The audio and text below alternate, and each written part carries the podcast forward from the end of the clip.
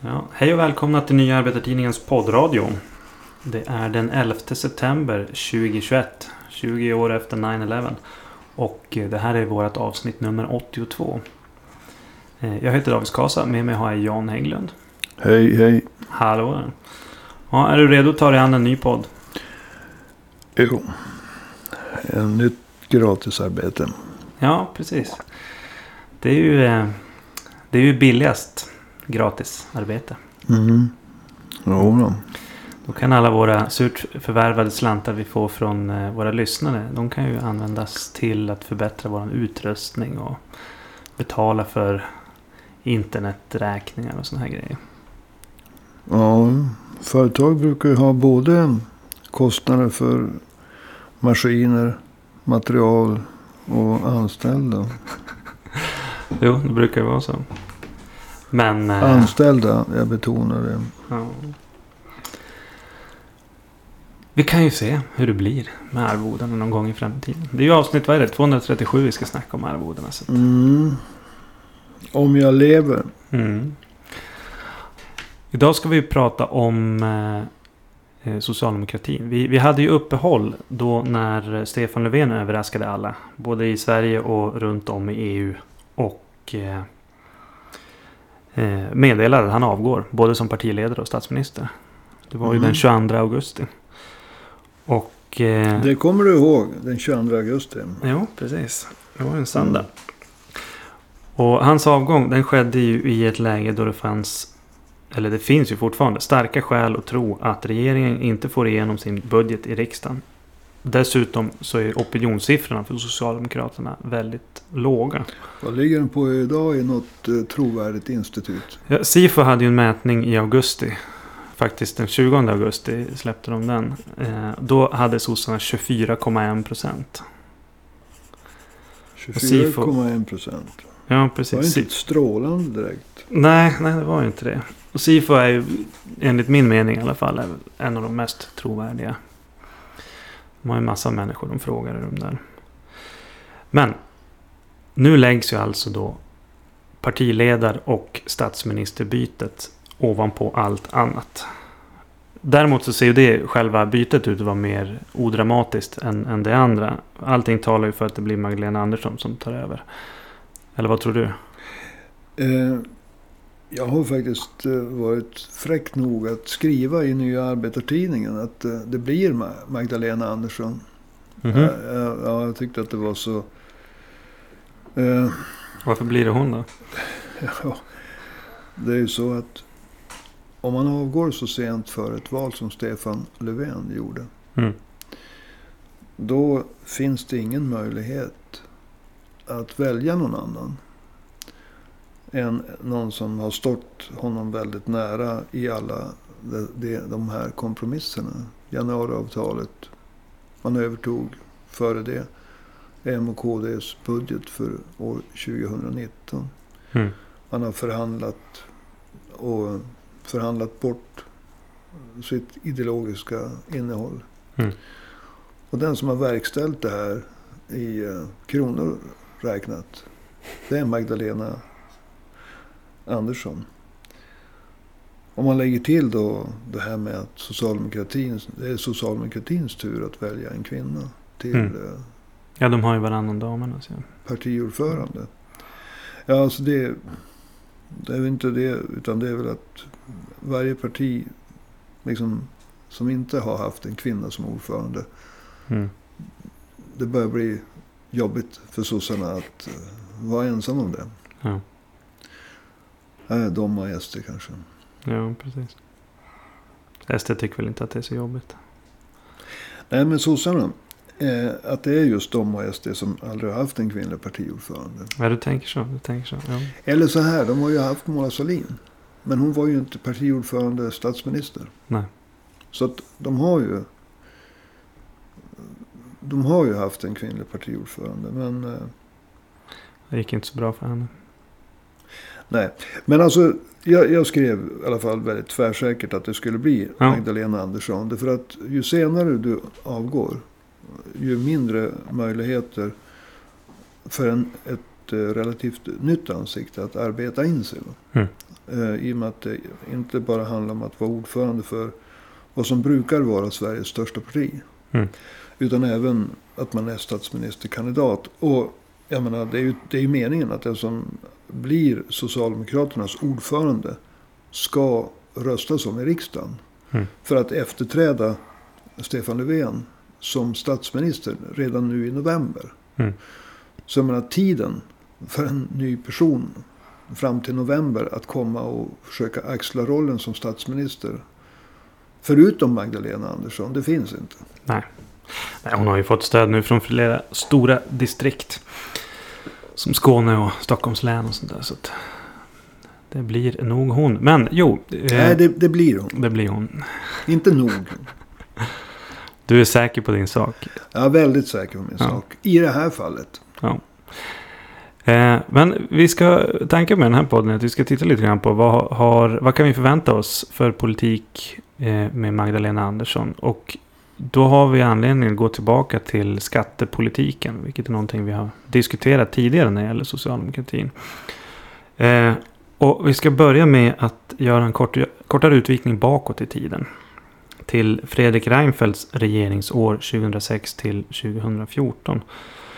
Eh, vad var det för frågor som kännetecknade Reinfeldts regeringar? Alltså, Reinfeldt och alltså bildandet av alliansen. Det gav en sorts ny, ny vitalitet åt borgerligheten. Alltså den politiska, de politiskt, de, de partier man brukar kalla för de borgerliga partierna. Mm. Alltså Moderaterna, eh, Centern, Folkpartiet som det hette då och eh, Kristdemokraterna. Förutom det så eh, var det ju så att politiskt sett så var ju Moderaterna det största partiet. Och Moderaterna de genomgick ju en ansiktslyftning. De började kalla sig för Nya Moderaterna och de betecknade sig själva som det nya arbetarpartiet. Mm. Och eh, det man säger operativa, det konkret stora som eh, Reinfeldt, Moderaterna, Alliansen genomförde. Det var väldiga skattesänkningar. Jobbskatteavdrag. Och de gynnade de breda löntagargrupperna. Och de hade... I USA så brukar man säga att en president som har blivit vald måste liksom åstadkomma eh, någonting rejält under de första hundra dagarna. Och eh, Alliansen hade en, en sån strategi. Man slog till med väldigt stora skattesänkningar direkt. Mm. Och det här var alltså en ny typ av skattesänkningar. En ny typ av framtoning. För det var inte skattesänkningar som går att avfärda. Eh, skattesänkningar för de rika. Utan det var alltså skattesänkningar som gynnade just vad de sa. De breda löntagargrupperna. Det var liksom... Eh, naturligtvis så, så var det inte negativt för de som hade höga löner. Men alltså medelinkomsttagare och även en och annan låginkomsttagare. Jag jag vill inte definiera det i kronor. Men alltså de breda löntagargrupperna Mm. märkte att de fick mer pengar i plånboken. Ja. Och det här. Det, naturligtvis så fanns det saker som irriterade. Va? Alltså frågorna som berörde a-kassan och arbetslöshetsersättningen. Och så vidare. För det här kostade ju. Men, men folk märkte, och de breda löntagargrupperna märkte, att de fick mer pengar i plånboken. Mm. Och eh, det här gav dem ett politiskt initiativ, en sorts nytändning. De nya Moderaterna, Moderaterna som det nya arbetarpartiet. Och det gick också väldigt bra för Moderaterna under den här tiden. Vad gjorde, om man tittar på skattepolitiken och eh, Socialdemokraterna under den här tiden. Eh, alltså både under Reinfeldt-åren och sen efter att Stefan Löfven blev statsminister. Eh, 2014. Vad, vad hade de för framtoning i de frågorna? Alltså Socialdemokraterna. De slog ju vakt om dem där de ser. Eh, med rätta. Bara det att de är inte de enda som har så att säga varit med och byggt välfärdssamhället. Men de har ju varit motorn i det. Mm. De vill ju slå vakt om offentliga sektorn. Eh, inför detta anlopp av skattesänkningar. Alltså det är ju penningvärdesförsämring och det är ju inte så lätt att summera allting i efterhand. Men den siffra som brukar nämnas i debatten det var ju att alliansen under sin tid, det var ju åtta år vid makten. Men som jag minns det så kom de allra största jobbskatteavdragen relativt tidigt under den första perioden. Jo. Man brukar säga att de sänkte skatterna för 140 miljarder kronor. Mm. Alltså staten får in 140 miljarder kronor mindre per år. Mm. Och det här måste ju naturligtvis, eh, det här märks ju. Alltså statens möjligheter att till exempel stötta kommunerna och det som då hette landsting. Mm. Alltså skola, eh, förskola, barnomsorg, äldreomsorg. Ja, olika in, Sjukvård. sjukvård, in, olika infrastruktursatsningar med eh, bidrag. Den minskar naturligtvis. Och det handlar ju om pensioner, det handlar om ersättningar vid sjukdom, arbetslöshet och så vidare. Så att Socialdemokraterna, de la sig ju på defensiven. Alltså, eller defensiven. Man slog vakt om så att säga välfärdssamhället. Och man gick ju också emot skattesänkningar. Och, Mm. och det var ju väldigt tydligt. Eh, hur var det tydligt då? Ja, det mest... Alltså, Socialdemokraterna... Man kan ju tycka att de borde ha vunnit valet 2010. Mm. De låg rätt bra till under en period. Det Jo. såg som närm, närmast en... eh, Ja, att, att, att de skulle vinna 2010. Men de gjorde de inte. Så inför valet 2018. Då band man fast sig. Eh, trodde många. Alltså man antog ett dokument som heter Trygghet i en ny tid. Politiska riktlinjer. Vart antogs det? Ja, den, den antogs på den socialdemokratiska partikongressen 2017. Och låt mig ge några citat ur det dokumentet. Eh, Det här står. I den ekonomiska utvecklingen finns en kraft.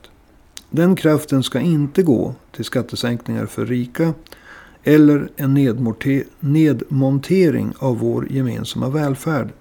Den ska gå till att hålla ihop Sverige. Mm. Och sen i denna oroliga tid behöver vi en starkare sammanhållning än någonsin förut.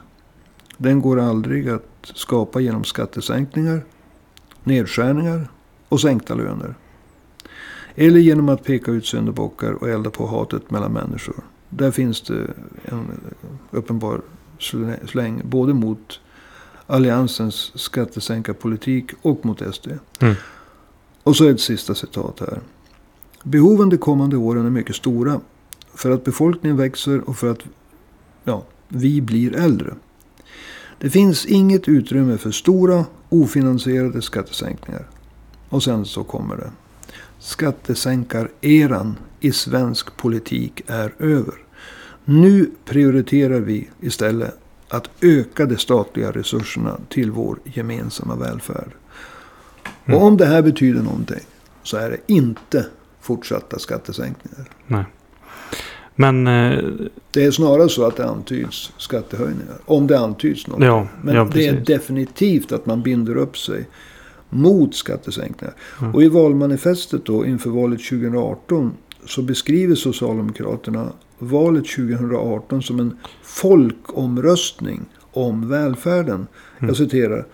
Ska vi genomföra detta massiva trygghetsprogram? Frågetecken. Eller ska vi göra som Moderaterna och Sverigedemokraterna föreslår och ge stora skattesänkningar till landets rikaste? Mm. Och det här, det kommer Socialdemokraterna att få äta upp. Och det har de redan fått äta upp. Mm. För Jo, att vi för ska återkomma, hoppas jag, till just det här uttrycket skattesänkningar till det rikaste. Jo, precis. Jag, jag tänkte det att vi eh, kan ju förflytta oss över valet 2018. För att eh, allt det här förändrades ju då.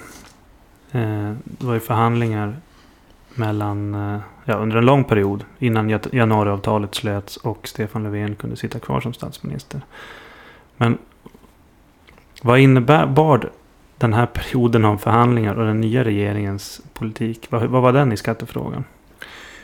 Ja, alltså, Socialdemokraterna,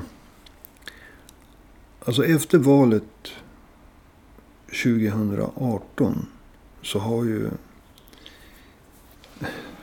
så har ju alltihop, alltså bara några månader efter det att valmanifestet skrevs, som ju har sina rötter då i det här dokumentet. Mm. Man kan se det från 2017. Men valmanifestet var från 2018. Och ret- retoriken under valet 2018 var ju massivt trygghetsprogram. Så kom ju då att det första som man gjorde, det var ju att man fick inte igenom sin egen budget. Nej. Så då fick man under år, budgeten som antogs efter valet 2018. Det var ju en budget som var utarbetad av Moderaterna och Kristdemokraterna. Och det Mm. innehöll ett sjätte jobbskatteavdrag. Och eh, det innebar sänkt skatt för arbetsgivare. Alltså det, sänkta arbetsgivaravgifter, sänkt skatt för pensionärer. Färre betalade statlig skatt. Det var skattesänkningar för 21 miljarder Mm. under år 2019. Sen så antogs ju då januariavtalet. Eh, I januari 2019. Och där tala, talas det om skattesänkningar i punkterna 3, 4, 5, 7 och 16. Mm. Och i alla utom en av de fem punkterna så nämns just att man ska sänka skatterna för företag. Mm. Och här lyser ju genomslaget för Centern och Liberalerna igenom. Jo. Så att, men det, det här fick ju praktisk betydelse. På vilket sätt så? Eh, ja, vi ska komma till det eh, år, år 2021. Men låt oss inte hoppa över 2020. Då tog alltså Socialdemokraterna, och vi ska inte glömma, de är ju i en eh, regeringssamverkan med Miljöpartiet. De är ju lätta att glömma. Ja, det är de. När man pratar så här. Men alltså vad man gjorde det var att man tog bort värnskatten. Mm. Det berörde de 500 000 svenskar med högst inkomster. Alltså med inkomster över 703 000 kronor per år. Och det innebar att Volvo-chefen Martin Lundstedt. Han fick en skattesänkning på cirka 2,5 miljoner per år. Om man, om man roar sig med att titta på hur det gick för finansministern själv. eh, När det gäller att värnskatten tog bort, bort så fick hon eh, en sänkt skatt, ironi, ironi, med bara 45 000 kronor per år. Ja, inte illa. Och om man då tänker på att det var de 500 000 svenskar med högst inkomster. Som värnskatten alltså drog in pengar till staten via. Ja. Och så går man tillbaka och tittar på eh, vad man sa i valmanifestet. Ja. I valmanifestet inför valet 2018. Vi ska genomföra detta massiva trygghetsprogram. Alltså är det det? Eller ska vi göra som Moderaterna och Sverigedemokraterna föreslår och ge stora skattesänkningar till landets rikaste? Mm. Men det var ju exakt att ge stora skattesänkningar till landets rikaste som Socialdemokraterna gjorde under året 2020. Efter att ha gjort upp med Centern, Liberalerna och Miljöpartiet. Mm. Och i år, det innevarande året. Så innebär det sänkta skatter med 30 miljarder. Och det som nu har kommit. Eh, Det är ju inte genomfört än. Men om Socialdemokraterna och Miljöpartiets budget. eh, Stödda av Centern. Och kanske V. Eller Mm. kanske inte. Skulle den budgeten gå igenom så kommer det att innebära ytterligare skattesänkningar på 10,5 miljarder. Mm. Så när valrörelsen är igång, under förutsättning att Socialdemokraterna får igenom sin budget, Ja. Så kommer de att ha sänkt skatterna med 68 miljarder. Och Ja. om vi då tar möjligheten att vi har summerat en miljard fel. Och vi tar möjligheten att penningvärdet har förändrats sedan 2006. Så kan vi jämföra då Socialdemokraterna och Miljöpartiet och Liberalerna och Centerns. Men Socialdemokraterna får stå för det här. Ja. Deras skattesänkningar uppgår till hälften av eh, Alliansens skattesänkningar. Alltså vi har cirka 70 miljarder. 68 exakt som vi har summerat. Men som jag sa. Låt oss avrunda det till 70. Ja. 70 är hälften av 140 miljarder. Så i praktiken har Socialdemokraterna inte alls följt dokumentet Trygghet i en ny tid, politiska riktlinjer. I praktiken har Socialdemokraterna helt övergett sitt valmanifest. Utan de har gjort skattesänkningar exakt för de allra rikaste. Mm. Totalt sett har de sänkt skatterna med hälften så mycket som eh, Alliansen gjorde. Men det är ju skattesänkningar ovanpå Alliansens. Jo, Vilket ju innebär ett indirekt godkännande av Alliansens skattesänkningar. Plus Jo. hälften igen. Ja. Alltså när man sänker skatten med 70, nästan 70 miljarder. Då godkänner man ju tidigare gjorda skattesänkningar. Ja. Så det gör ju Socialdemokraterna i praktiken. Eh, alltså till ett riktigt skattesänkarparti. Ja. Och jag, jag, jag, en, en, jag, måste avsluta med att säga att en ledande moderat här i Umeå. Han sa till mig. Ta bort värnskatten. Det, det planerar ju inte ens vi att göra. Nej, Alltså vi moderater. nej. nej de var Men- ju smartare än så. Ja. Men eh, om man ställer frågan på det här viset. Eh, alltså för Moderaterna. Där var ju skattesänkningarna var ju någonting som gynnade dem. De gick ju framåt i valet 2010. Socialdemokraterna nu ligger de på 24 procent. Alltså Varför? varför? För Socialdemokraterna måste göra det här för de tycker ju att det är liksom. Tror ju på det. Alltså vad Socialdemokraterna tror på idag är ju mer diffust än Ja, någonsin är i. Sveriges och deras egen historia. Men, men hur kommer det sig att det inte går bra för sossarna när de gör Alltså, sådana här saker? Om ett parti som Moderaterna och tätt följt av de andra borgerliga partierna inom ramen för alliansen går till val på att säga vi ska sänka skatten för de breda löntagargrupperna. Ni ska få mer i plånboken. Mm. Och sen gör man det. Och folk märker att man får mer i plånboken. Sen finns det en massa... Det fanns en, en massa konsekvenser av det. Men de gjorde ju vad de sa att de skulle göra. Mm.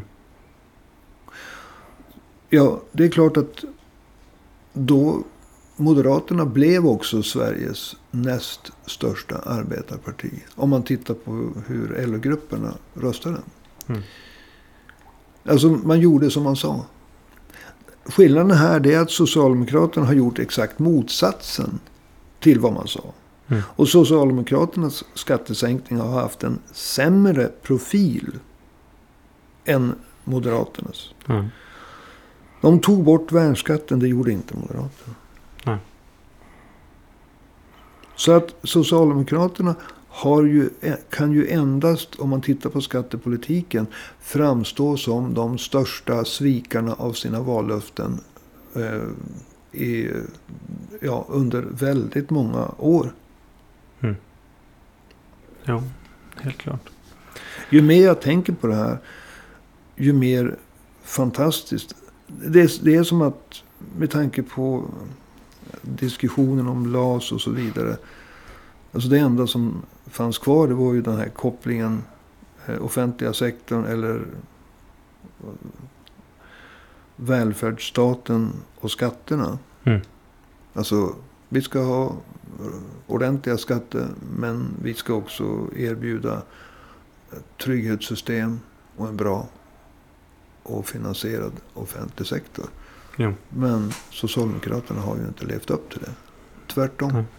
Nej, uppenbarligen inte. Eh, om vi ska börja gå mot avrundning här snart. Eh, det, och, och, och, blicka lite framåt. Vi har blickat bakåt, nu blickar vi lite framåt. Magdalena Anderssons första uppgift kommer ju bli att få en majoritet bakom en statsbudget i riksdagen i december. Och bland annat bakom de här eh, skattesänkningarna som du berättade om. Tror du att hon kommer att lyckas? Jag vet inte. Men om man tittar på Annie Lööf och hennes Centerparti så var ju Annie Lööf inte glad när eh, det här förslaget om fri hyressättning i nyproduktion av hyreslägenheter inte gick igenom. Mm. Mm. Det fantastiska med Annie Lööf det är ju att hon vill ha, och det är ju hon. Hon vill ha mm. hon eh, specifikt. kompensation i form av rejäla skattesänkningar av inkomstskatten för låg och medelinkomsttagare. Det var hon krävde. Mm. Och tittar vi nu på vad Magdalena Andersson och regeringen har lagt fram. Så är det just eh, skattesänkningar för eh, inkomst, låg och medelinkomsttagare. Alltså det är 10,5 miljarder. Mm. Eh, det är tre grupper som ska få sänkt skatt. Låg och medelinkomsttagare från mm. januari. Sen så kommer även personer med sjuk och aktivitetsersättning få sänkta skatter. Och eh, det ska bli återigen möjligt att dra av för a-kasseavgiften. Huruvida Annie Lööf anser att det här är rejäla skattesänkningar på 10,5 miljarder. Det vet jag inte. Men om man lägger ihop vad Socialdemokraterna har presterat efter valet 2018. Så mm. är det just rejäla skattesänkningar. Jo, verkligen. Men inte bara för låg och medelinkomsttagare utan även för sådana som Volvo-chefen som har fått en skattesänkning. Eh, bara eh, när man tog bort värnskatten. Sen har han ju fått övriga skattesänkningar också. Jo. Men så att det här ligger ju helt i linje med vad Annie Lööf vill. Jo. Men för att få igenom budgeten så måste man ju ha stöd från Vänsterpartiet. Ja. Och det här är ju inte alls vad Vänsterpartiet vill. Det är ju tvärtom så. Alltså, Annie Lööf är en, ett uh, fenomen i svensk, och jag är diplomatisk när jag säger det. I, I svensk politik. Alltså, hon vill ha kompensation. Och hon har också förbjudit, mer, alltså jag sätter förbu, förbjudit inom citationstecken. Men mm. Alltså man, man får inte, det vill säga Socialdemokraterna och Miljöpartiet får inte diskutera budget med Vänsterpartiet. Så där har ju då Vänsterpartiet presenterat en kravlista inför budgetarbetet. Mm. Eh, I mitten på augusti. Eh, det är ett 11 sidor långt dokument på sin hems deras hemsida. Och i en debattartikel i DN, DN Debatt. Mm. Och då har man fyra kortare ramvillkor. Och ett av dem är att alla skattesänkningar i budgeten ska motsvaras av minst lika stora skattehöjningar. Yeah. Och eh, sen har man krav på specifika, eh, vad heter det, eh, ökningar av utgifterna i budgeten på 25 miljarder. Mm. Men man har inte, alltså man, man vill öka utgifterna på 25 miljarder. Men någon finansiering av dem har inte Vänsterpartiet presenterat. De anser att det är regeringens jobb. Men det är Mm. ju alltså, för det första, alltså varje skattesänkning ska motsvaras av en skattehöjning. Ja. Och det har ju, som jag, inte, som jag uppfattar det, det finns inga skattehöjningar i, i eh, förslaget till budget. Men jag kan ju missa någonting. Men sen är det ju så att de här 25 miljarderna. Alltså så Vänsterpartiet har ju både hängslen och livrem. Varje skattesänkning ska motsvaras av minst lika stora skattehöjningar. Och sen så vill de ha av, av, eh, utgiftsökningar med 25 miljarder. Och man har inte presenterat någon inkomstförstärkning. Mm. Och det är ju en så att säga tickande bomb i form av en, indirekt krävd skattehöjning som jag uppfattar det. Mm. Så om Vänsterpartiet inte backar, ja då kommer inte budgeten att gå igenom. Därför att den här skattesänkningen på 10,5 miljarder, den är gjord i första hand för att tillgodose Annie Lööfs krav. Ja. Sen så de här sakerna som handlar om sjuk och aktivitetsersättningen. Alltså folk som lever på det får sänkt skatt. Och att det återigen ska dra, bli möjligt att dra av på skatten för a-kassan. Det skulle kunna ses som eh, ett, eh, ja, ut, inte en uträckt hand utan, ja, Kanske en- ett lillfinger. Ja men eh, hög, jag, jag, jag, du, det förekommer. Jag, men jag tyckte lillfinger var för lite. Tyck, eller för mycket. Jag tänkte lillfingernagel va. Åt eh, vass. Eh, åt Vänsterpartiet. Så man skulle kunna säga ungefär så här att. Ja men vi, vi gav ju Vänsterpartiet någonting här. Ja. När Vänsterpartiet, om de då lägger ner sina röster. Så kan man säga att de... Möjligt va. Men eh, jag kan inte se något annat än om man, om man tittar på helheten av vad som har hänt efter valet 2018. Och om man tittar på helheten i eh, hur man eh, har lagt fram den här skattesänkningen. Så är det ju drottning Annie som man har försökt värna om. Mm.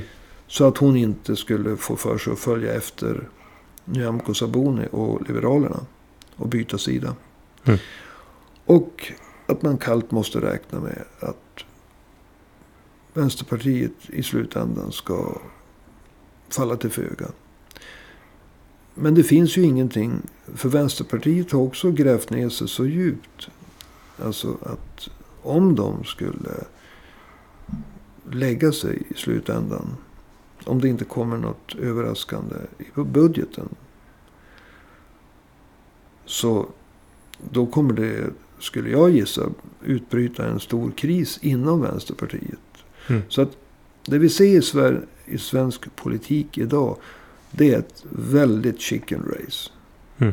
Alltså antingen måste Annie Lööf backa. Eller också måste Vänsterpartiet backa. Det går inte att med de kort som nu ligger på bordet få ihop en majoritet bakom Socialdemokraternas budget. Utan antingen kommer det någonting helt överraskande i budgeten när Mm. den presenteras. Men då måste Annie Lööf ha backat. Eller också så måste Vänsterpartiet falla till föga Mm. någon gång i december. Precis. Och då kommer det att utbryta en kris inom Vänsterpartiet. Det är jag väldigt säker på att det kommer att göra. Ja. Annie Lööf däremot, hon verkar ju styra sitt parti. Alltså ungefär som Gunnar Hedlund. Han hade partiet på fickan. Han var ju vänlig mot Socialdemokraterna. Mm. Det är inte Annie Lööf. Nej. Hon är vänlig mot Annie Lööf. Men hon har partiet på fickan. Det är det intryck som hon verkar vilja ge. Jo. Och det verkar ju vara så också. Jo, helt klart. Ja, hörru du. Jag tror att vi ska avrunda där. Eh, om inte du har någonting mer att, att tillägga. Ja, alltså. Magdalena Anderssons möjligheter att bli Socialdemokraternas partiordförande. De skulle jag vilja säga är 100 procent. Mm. Eh, hennes möjlighet att bli Sveriges första kvinnliga statsminister. Man ska aldrig säga aldrig. Mm. Man ska inte säga noll procent. Men om eh, det är oundvikligt att hon blir Socialdemokraternas partiledare. Mm. Så är det väldigt möjligt att hon inte blir statsminister. Det, det är ju så att alltså, om Socialdemokraterna inte får igenom sin budget. Då kommer de att avgå, Mm. har Stefan Löfven sagt. Jo. Nu är det så att politiker ska man ju inte lita på. Och det finns alltså en sak. Stefan Löfven har sagt det här. När han ersätts av Magdalena Andersson. Så skulle Socialdemokraterna kunna göra en kullerbytta och säga det var Stefan Löfven. Mm. Magdalena Andersson skulle kunna hävda att hon inte är bunden av Stefan Löfvens formuleringar. Och då skulle man kunna regera på något, någon annan budget.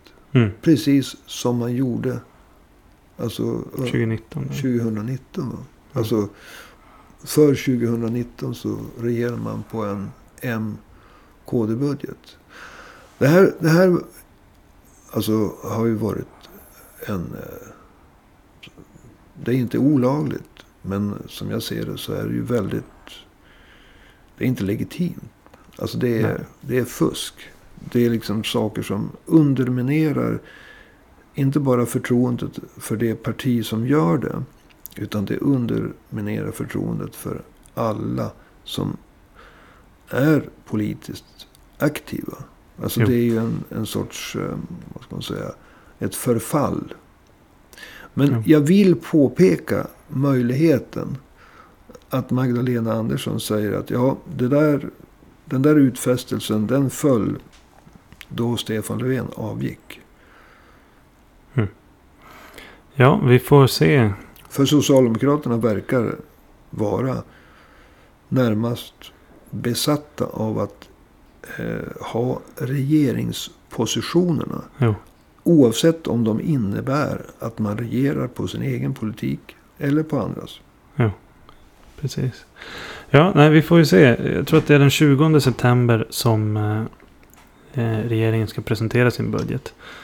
Och sen är det ju en period där fram till omröstningen i december som det lär utkristallisera sig. Eh, hur, hur det går. Jo, då, bara jag har råd så kommer jag gärna tillbaka och kom, kommenterar utvecklingen. Ja, det ska vi definitivt göra. Ja, Om jag har råd. ja precis. Men du, jag får tacka så mycket för idag då. Ja, det finns ju olika sätt att tacka. Jag tar emot. Du ska få dig en burk cola och lite kaffe. Jag får inte dricka ko- cola. Det är ju zero cola. Ja, visst. Får jag. Och sen en sockerfri bulle. Alltså en sån här vetebulle. Ja, håna mig bara. Ja, nej, men du som lyssnar. Om du vill eh, stötta Janne med en burk Cola Zero och en vetebulle. Eller rent allmänt tycker att vi gör en bra podd. Så får du gärna swisha en slant. Stor eller liten till nummer 123 504 7105. Alltså 123 504 7105. Och eh, märk betalningen med Cola Zero och eh, vetebulle. Så kommer jag eh, att läsa upp ditt namn i nästa avsnitt av podden. David Skasa heter jag. Vi hörs igen nästa vecka. Hej då!